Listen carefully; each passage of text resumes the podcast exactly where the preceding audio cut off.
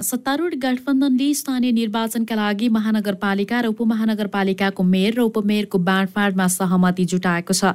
प्रधानमन्त्री निवास बालुवाटारमा आज बसेको गठबन्धन दलको बैठकमा छ महानगर र एघार उपमहानगरको मेयर र उपमेयर बाँडफाँडमा सहमति जुटेको हो। सहमति अनुसार कङ्ग्रेसले विराटनगर काठमाडौँ र ललितपुरको मेयर तथा वीरगञ्ज भरतपुर पोखरा उपमहा पोखरा महानगरपालिकाको उपमेयर पद लिनेछ। त्यस्तै कङ्ग्रेसले धरान इटहरी कलैया बुटवल तुलसीपुर नेपालगञ्ज र धनगढीको मेयर पाएको छ भने जितपुर सिमरा घोराई र हेटौडा उपमहानगरको उपप्रमुख पाएको छ।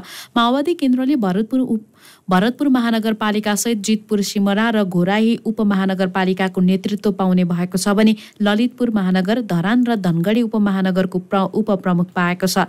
त्यस्तै नेकपा एकीकृत समाजवादीले पोखरा महानगरपालिका र हेटौडा उपमहानगरपालिकाको नेतृत्व पाएको छ भने काठमाडौँ महानगर इटहरी बुटवल र तुलसीपुर उपमहानगरको उपप्रमुख दिने सहमति भएको सरकारका प्रवक्ता एवं कङ्ग्रेस नेता ज्ञानेन्द्र बहादुर कार्कीले जानकारी दिनुभयो।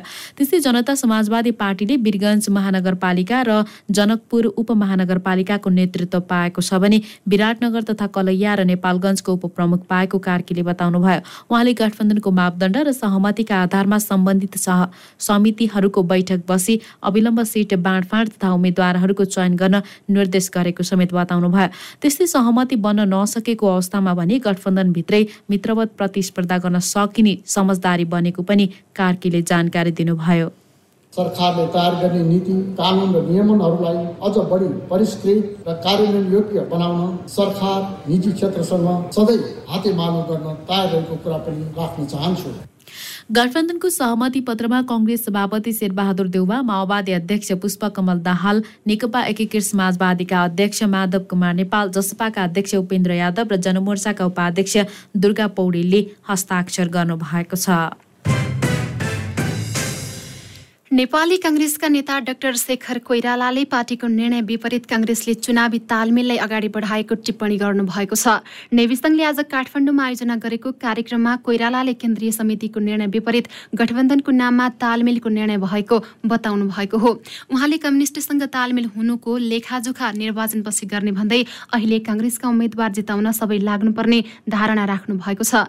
नेता कोइरालाले काङ्ग्रेस मुलुकको बलियो पार्टी भएको भन्दै गन्तव्यमा पुग्नको लागि कम्युनिस्टको सहारा नचाहिने स्पष्ट पार्नुभयो।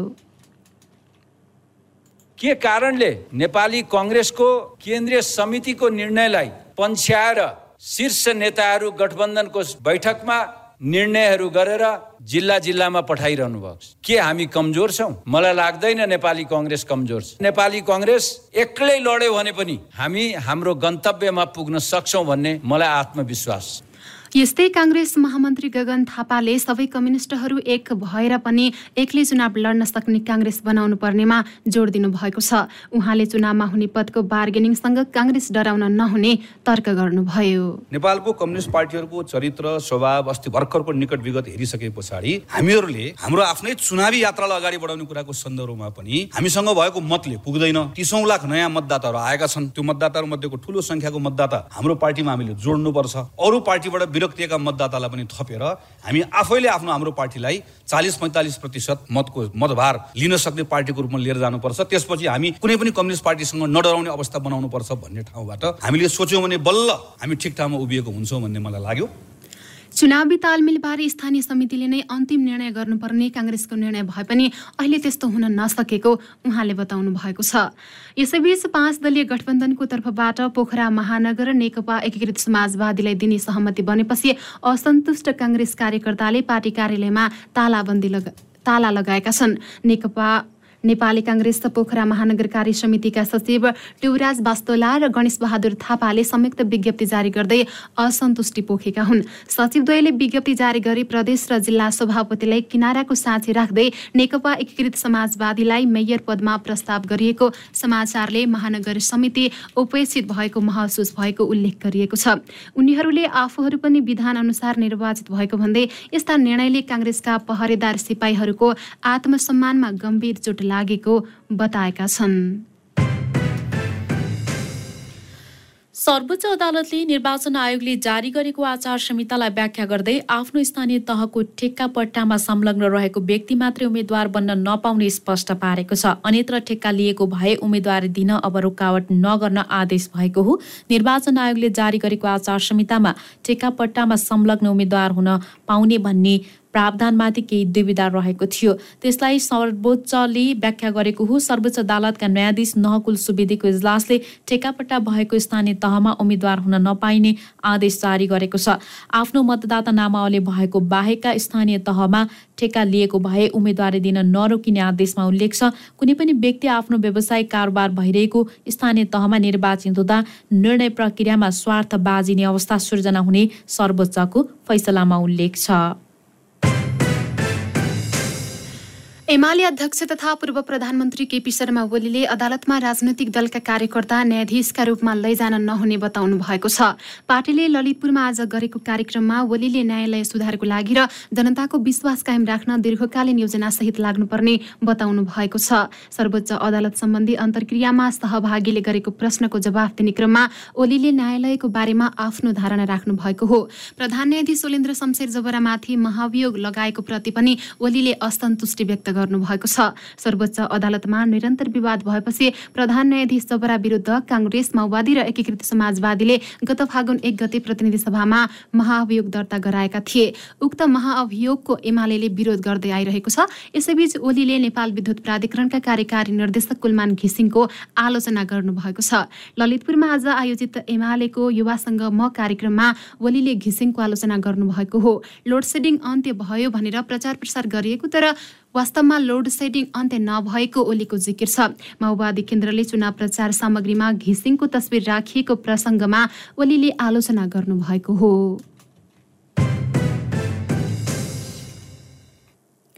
ज्येष्ठ नागरिकलाई निशुल्क धार्मिक यात्रा स्थानीय करको दरमा पचास प्रतिशतसम्म कटौती लगायतका विषय समेटेर राप्रपाले स्थानीय निर्वाचन केन्द्रित घोषणापत्र सार्वजनिक गरेको छ। आज काठमाडौँमा पत्रकार सम्मेलन गर्दै राप्रपाले तीस वैशाखमा हुने स्थानीय तह निर्वाचनको घोषणापत्र सार्वजनिक गरेको हो। घोषणापत्रमा भ्रष्टाचारका निम्ति शून्य सहनशीलताको नीति र सबै वर्ग क्षेत्रमा सुशासनको लक्ष्यसहित चुनाव जितेको छ महिनासम्ममा विपन्न परिवारको पहिचान गर्ने कक्षा बाह्र सम्म निशुल्क शिक्षा सबै नागरिकलाई निशुल्क अनिवार्य बिमा लगायतका विषय समेटिएको छ। त्यस्तै किसानको खेत खेतमा बिजुली बालीनाली क्षति भएमा कृषि तथा बाली बिमाको व्यवस्था चार वर्षभित्र आधारभूत खानेपानीको सुरक्षा एक घर एक धारा समेत घोषणा पत्रमा रहेको अध्यक्ष राजेन्द्र लिङ्गदेनले जानकारी दिनुभयो। राजतन्त्र र हिन्दू राष्ट्र पुनस्थापनाको एजेन्डा पार्टीको आधार स्तम्भ रहेको भन्दै आगामी स्थानीय तह निर्वाचनमा विजय हासिल गर्ने स्थानलाई प्राथमिकताका साथ राखिएको उहाँले बताउनुभयो।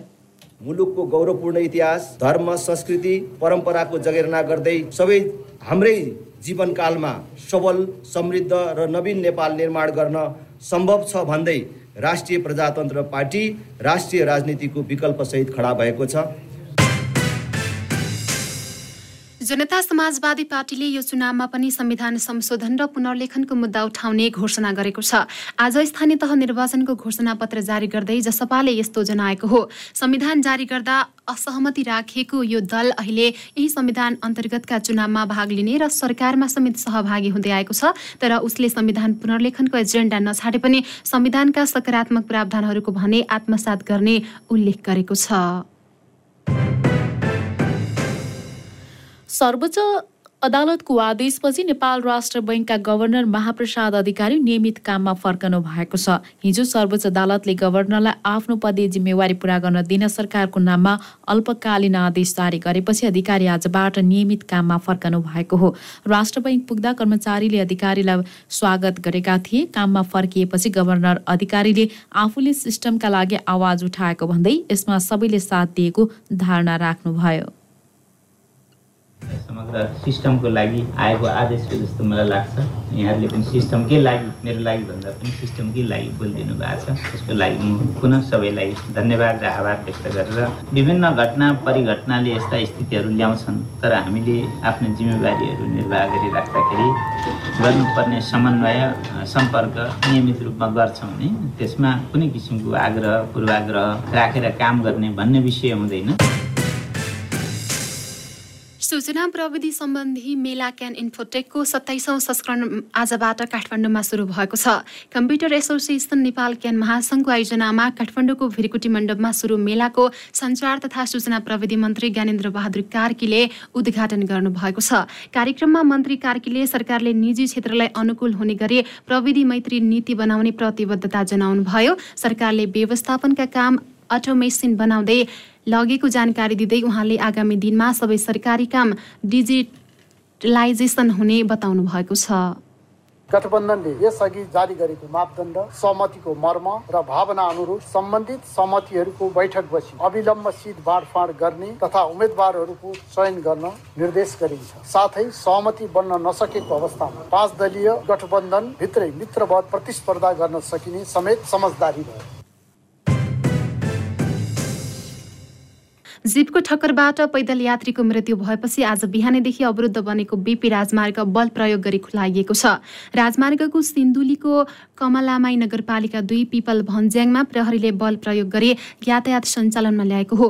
स्थानीय र प्रहरी बीच झडप हुँदा दिनभर तनावग्रस्त बनेको राजमार्गमा सदरमुकामबाट थप सुरक्षाकर्मी झिकाइएको थियो। प्रहरीका अनुसार पिपल भन्ज्याङ पच भैया जाने सडकबाट हिजो राति जीपले ठक्कर दिँदा घाइते भएका पैदल यात्री उनाचालिस वर्षीय विजय मोक्तानको उपचारको क्रममा सिन्धुली अस्पतालमा आज बिहान मृत्यु भएको थियो। सोही विषयलाई लिएर स्थानीयले बिहान एघार बजेदेखि क्षतिपूर्ति र दोषीलाई कारवाहीको माग गर्दै पिपल भन्ज्याङमा यातायात अवरुद्ध गरेका थिए। यातायात अवरुद्ध हुँदा यात्रु मर्कामा परेकाले प्रहरीले बल प्रयोग गरी यातायात सञ्चालनमा ल्याएको हो। यातायात खुलाउने क्रममा बन्दकर्ता र प्रहरी बीच झडप हुँदा एघारजना प्रहरी घाइते भएका छन्। घाइते प्रहरी मध्ये तीनजनालाई थप उपचारको लागि काठमाडौँ रेफर गरिएको छ भने बाँकीको सिन्धुली अस्पतालमा उपचार उपचार भइरहेको सिन्धुली प्रहरीले जनाएको छ।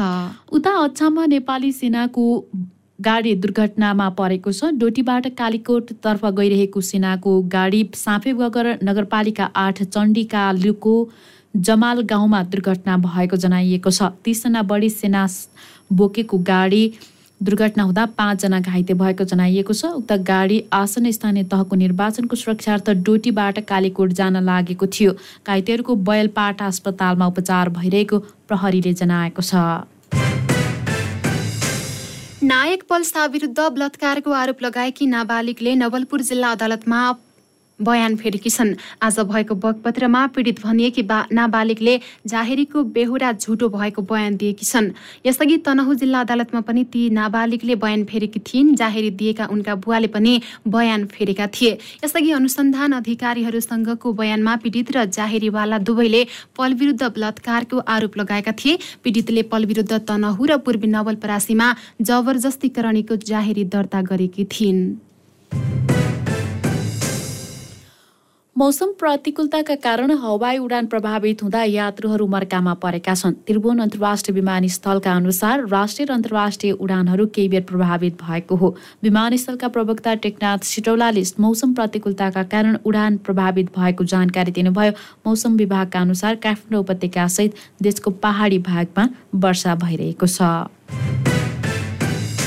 महोत्तरीको भङ्गाहा नगरपालिकाका मेयरले सामाजिक सुरक्षा भत्ता नबाँडेको भन्दै स्थानीय कुमारी ब्याङ्कमा ताला लगाउनु भएको छ। नगरपालिकाबाट खातामा जम्मा गरेको पैसा ब्याङ्कले चार महिनासम्म पनि वितरण नगरेको भन्दै मेयर सञ्जीव कुमार शाहले सीतापुर बजारमा अवस्थित सो ब्याङ्कको मूल गेटमै ताला लगाउनु भएको हो। मेयर शाहले नगरपालिकाले करिब चार पाँच महिना पहिले नै वृद्धा भत्ता र एकल महिला भत्ताको पैसा ब्याङ्कमा जम्मा गरिसक्दा पनि ब्याङ्कले हालसम्म नबाँडेकाले बाध्य भएर तालचाल लगाएको जानकारी दिनुभयो भएको छ। मेयर शाहले ब्याङ्कमा तालाबन्दी गरेपछि ब्याङ्कको सम्पूर्ण सेवा प्रभावित भएको छ। पछिल्लो चौबिस घण्टामा नेपालमा तेह्रजनामा कोरोना संक्रमण पुष्टि भएको छ। देशभर गरिएको दुई हजार पाँच सय अठाइस पिसिआर परीक्षणमा नौजना र एक हजार तिन सय उनपचास एन्टिजेन परीक्षणमा चारजनामा संक्रमण पुष्टि भएको हो। आज पच्चिस संक्रमित संक्रमण मुक्त भएका छन्। हाल नेपालमा तिन सय अठार सक्रिय संक्रमित रहेको स्वास्थ्य मन्त्रालयले जनाएको छ। कोशी सम्झौता गरेको भारत सरकारले सडक निर्माण गर्न ध्यान नदिएको भन्दै सप्तरीको सीमावर्ती क्षेत्रका बासिन्दाले प्रदर्शन गरेका छन्। कोशी पश्चिमी नहरको डिल भएर निर्माण गरिएको बाटो दिन प्रतिदिन जीर्ण बन्दै गएको र धुलो तथा हिलोका कारण जनजीवन प्रभावित भइरहेको भन्दै डाक्नेश्वरी नगरपालिका वडा नम्बर आठका बासिन्दाले आज बिहान प्रदर्शन गरेका हुन्।